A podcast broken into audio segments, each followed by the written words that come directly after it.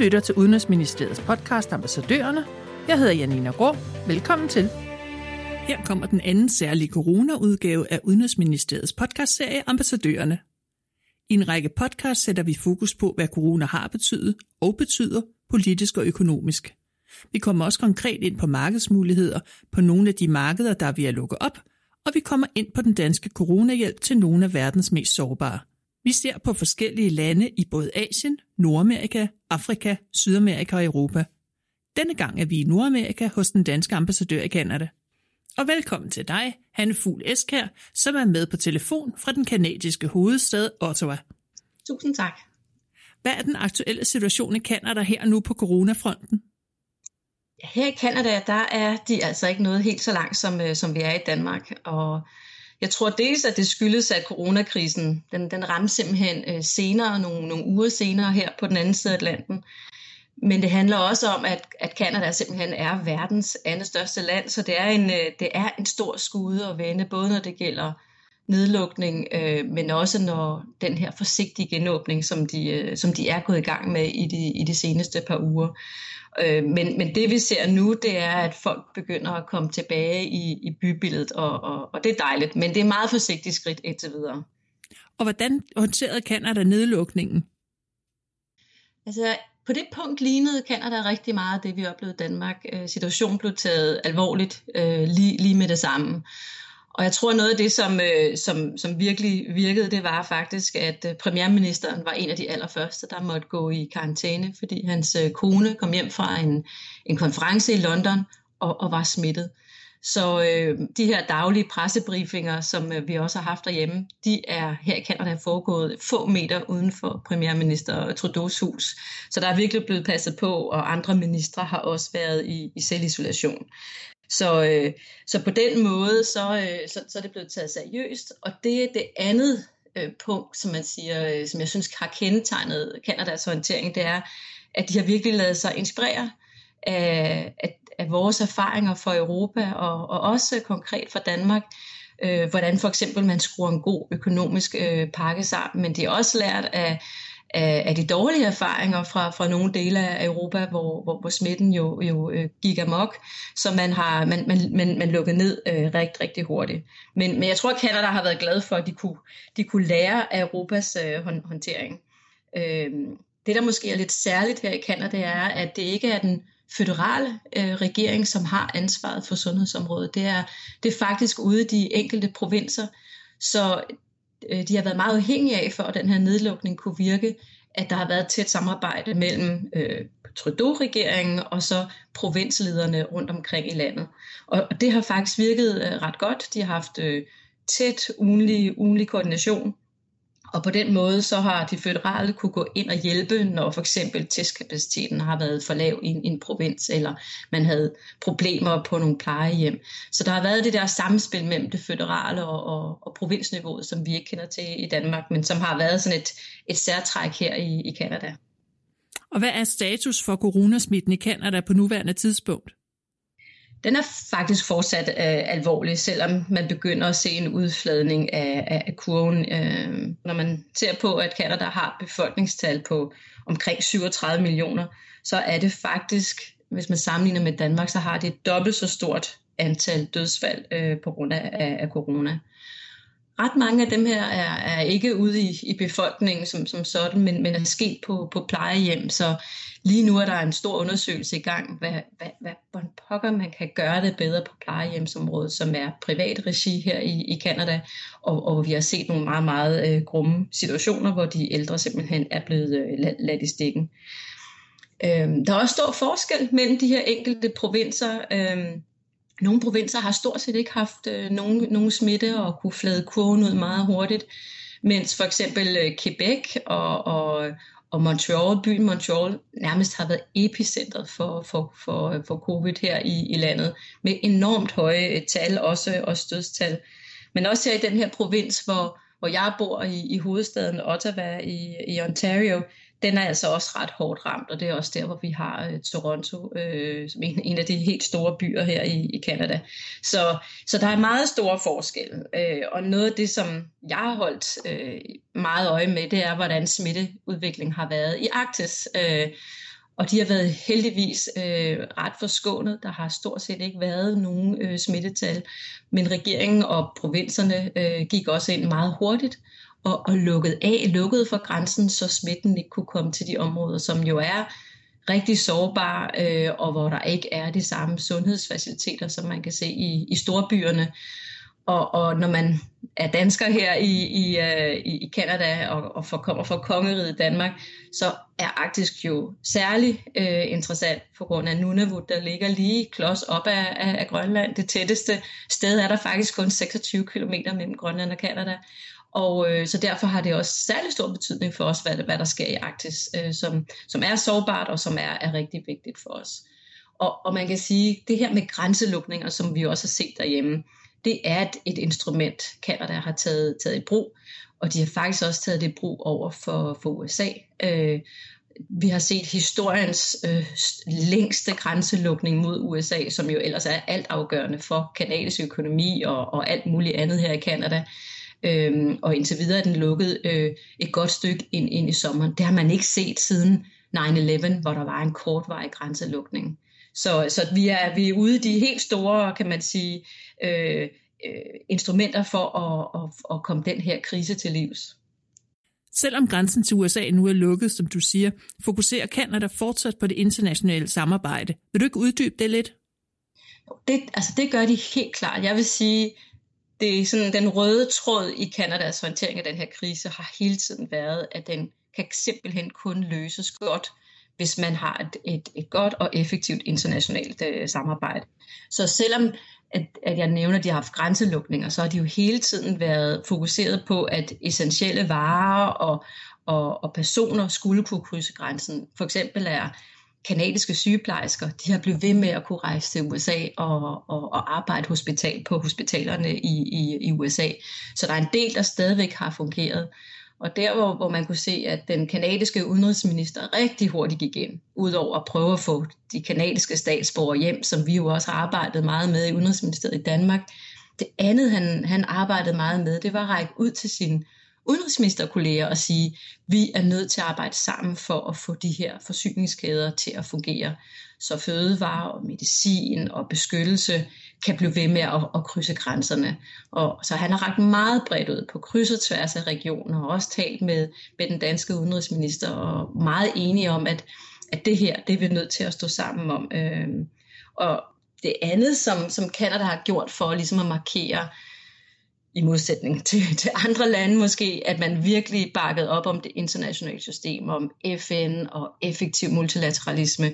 Det har været, at man har øh, givet en række ekstraordinære bidrag til FN-organisationer, til NGO'er, øh, blandt andet også WHO, som øh, man klart har gået ud og sagt, at de er helt afgørende for det internationale samarbejde, for at bekæmpe den her pandemi, men også for at, at arbejde med en effektiv øh, vaccineforskning. Og, og altså ud over på sundhedsområdet, så er det også klart, at Canada også øh, ser øh, det internationale samarbejde som en meget vigtig nøgle for at få gang i økonomien øh, igen. Og hvor langt er man så kommet med genåbningen af samfundet? Altså, man er ikke kommet så langt, som, som, som, øh, som, som vi er i Danmark, og, og der er meget stor forskel. Øh, nogle provinser har åbnet en del, mens andre er stadigvæk holder meget tilbage, fordi de har høje smittetal. Men det, man er, er blevet enige om, øh, det er ligesom, hvad er kriterierne for, når man kan begynde at genåbne rundt omkring i Canada. Og det er meget det, som vi også har set hjemmefra. Der skal være kontrol med smitten, man skal have nok testkapacitet, og der har man altså stadigvæk, øh, der arbejder man stadigvæk med nogle udfordringer her. Der skal være kapacitet, kan man sige, i sundhedsvæsenet. Og så når man begynder at skulle tilbage på arbejdet, så kræver det selvfølgelig også, at arbejdspladserne er klar og kan beskytte øh, øh, medarbejderne. Så, så det, det, det er nogle af de samme ting, at, at man er fokuseret på her. Hvis vi skal male med den brede pensel, hvad er så de økonomiske og politiske følgevirkninger af covid-19 for kanadierne? Vi kan starte med det økonomiske. Ja, på det økonomiske, så vil jeg sige, at, at, at Canada og den kanadiske regering faktisk under hele krisen har, har fokus på at sende signaler om, at det var vigtigt at holde gang i, i økonomien. Men, øh, og, og det var faktisk et område, hvor, hvor øh, Trudeau eksplicit sagde, at han var inspireret af Danmark øh, til at lave de her økonomiske øh, hjælpepakker med en lønkompensation øh, på 75 procent til virksomhederne. I starten regnede de med kun at lave en kompensation på 10 procent, men da de så, at det var nok slet ikke tilstrækkeligt, så, øh, så gik man op på de 75 procent. Man har også arbejdet med lånemuligheder til, til, til virksomhederne. Så man har gjort en del. Men det betyder selvfølgelig også, man regner med, at de her hjælpepakker måske svarer til 10 procent af landets BNP. At der altså venter en, en ret stor regning til de kanadiske øh, skatteydere. Så hvordan altså det, det er i hvert fald en af de ting, jeg tror kommer til at fylde rigtig meget i, i, i det, resten af, af 2020. Stort underskud på statsfinanserne, øh, en høj arbejdsløshed. Og hvis man ser på for eksempel igen de der forskelle, der er mellem provinserne. I Alberta, som er en provins, der er meget afhængig af udvinding af olie og, og, og naturgas, der forventer man arbejdsløshed på helt op til 25 procent, fordi der har været det her kæmpe fald i, i oliepriserne. Så, så de har altså nogle ret store øh, kan man sige, udfordringer på det økonomiske område. Og så har de så også en ekstra udfordring i forhold til deres afhængighed af USA i øh, økonomiske henseender. Ja, lige, lige præcis. Det er så en, en, en ekstra faktor, som, som betyder øh, rigtig meget for, for Canada. Omkring 75-80 procent af det, både deres import og eksport, går og kommer faktisk fra, fra USA. Så hvordan genopretningen i USA kommer til at gå, øh, det får en, en, en kæmpe stor betydning for, for Canada, som, som du siger. Men det betyder også, at Canada nu prøver at se ekstra meget. Det gjorde de også før krisen, men, men det vil jeg sige, det er accelereret nu på at, at se på handelssamarbejde med, med andre regioner. Det gælder Asien, men det gælder også virkelig meget øh, Europa, øh, hvor man vil lægge nogle kræfter i at få kan man sige, virksomhederne til at have et godt kendskab til den frihandelsaftale, som faktisk er indgået mellem EU og Kanada. Så vi har, vi har en god platform, vi har en god ramme til at få øh, øget vores, øh, vores handelssamarbejde med, med Canada. Øhm, en, en anden ting, de, når de nu kommer lidt mere ud af, af krisetilstanden, øh, så er de begyndt at tale om den her øh, grønne genåbning, at når man skal have gang i økonomien igen, så skal det ske på en, en grøn og bæredygtig måde. Og der ved jeg, at der er enormt stor efterspørgsel på danske løsninger, øh, danske øh, innovative idéer til, hvordan man kan gøre det her og så samtidig øh, have en god økonomisk vækst. Så, så økonomien sætter det meget højt, men de står altså også over for nogle, nogle ret store udfordringer. Og hvordan på den politiske front? På det politiske område, der har krisen øh, haft en stor betydning for, for regeringen. Øh, lige i slutningen af, af 2019, der var der parlamentsvalg herover, og hvor øh, premierminister Trudeau og hans liberale parti, som ligesom svarer til demokraterne i USA, de de satte deres flertal over styr og måtte danne en, en mindretalsregering. Og landet var meget splittet efter valget, øh, især på, på klimadagsordenen, som havde fyldt rigtig meget i, i valgkampen. Så det var sådan et politisk splittet Kanada, hvor premierministeren og hans regering ikke stod øh, rigtig stærkt. Men under krisen, øh, de seneste meningsmålinger viser det også, at befolkningen har virkelig samlet sig omkring deres krisehåndtering og, og, og lederskabet, og og været tilfredse med, at, at den føderale regering ligesom øh, holdt sammen på landet og, og hjalp provinserne med at, at prøve at komme igennem den her krise.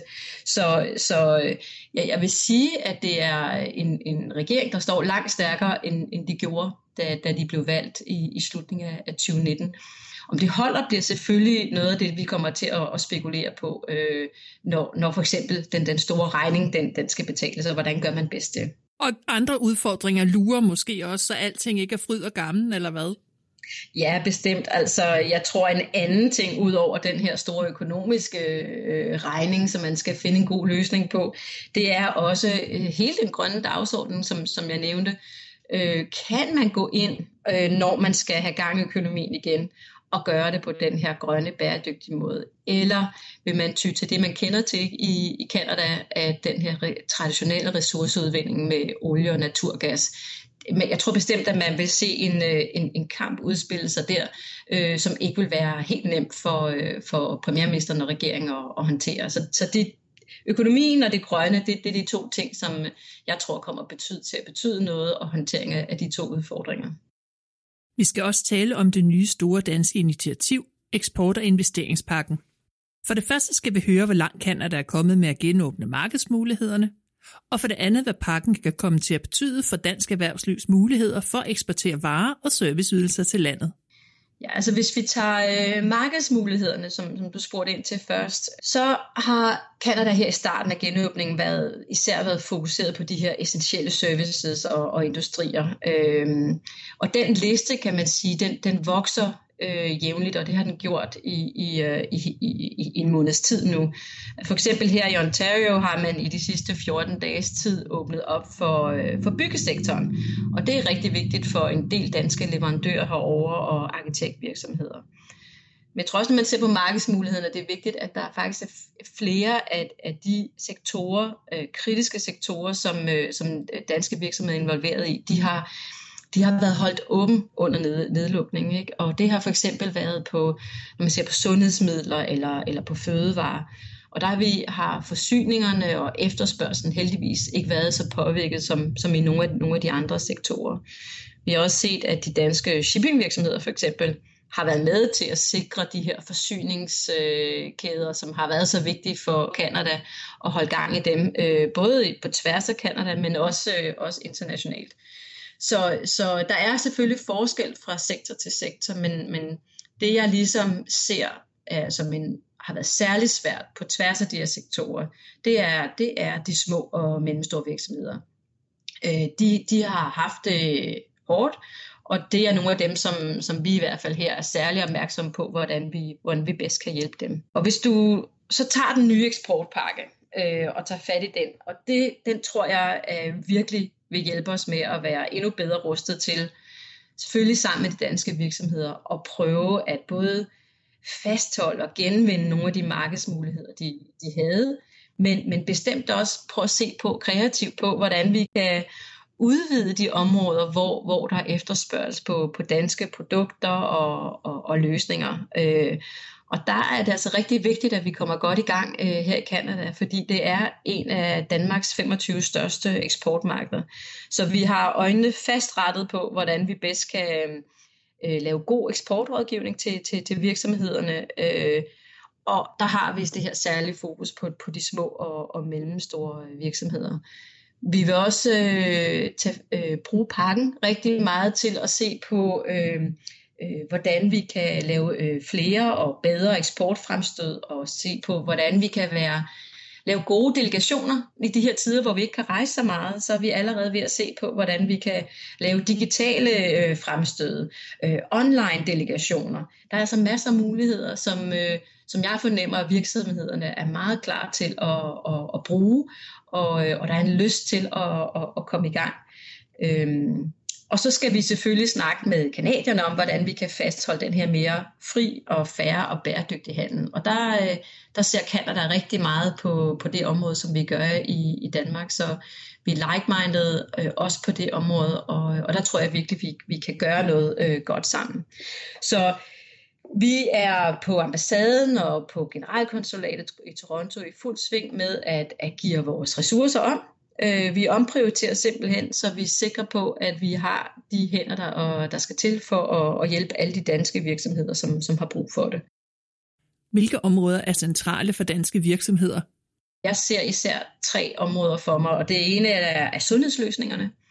Øh, vi har meget stærke øh, sundhedsvirksomheder herover, som har nogle innovative løsninger.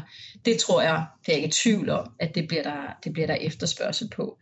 Øh, tech øh, er også rigtig stor øh, i den her tid, hvor vi alle sammen har skulle arbejde øh, virtuelt.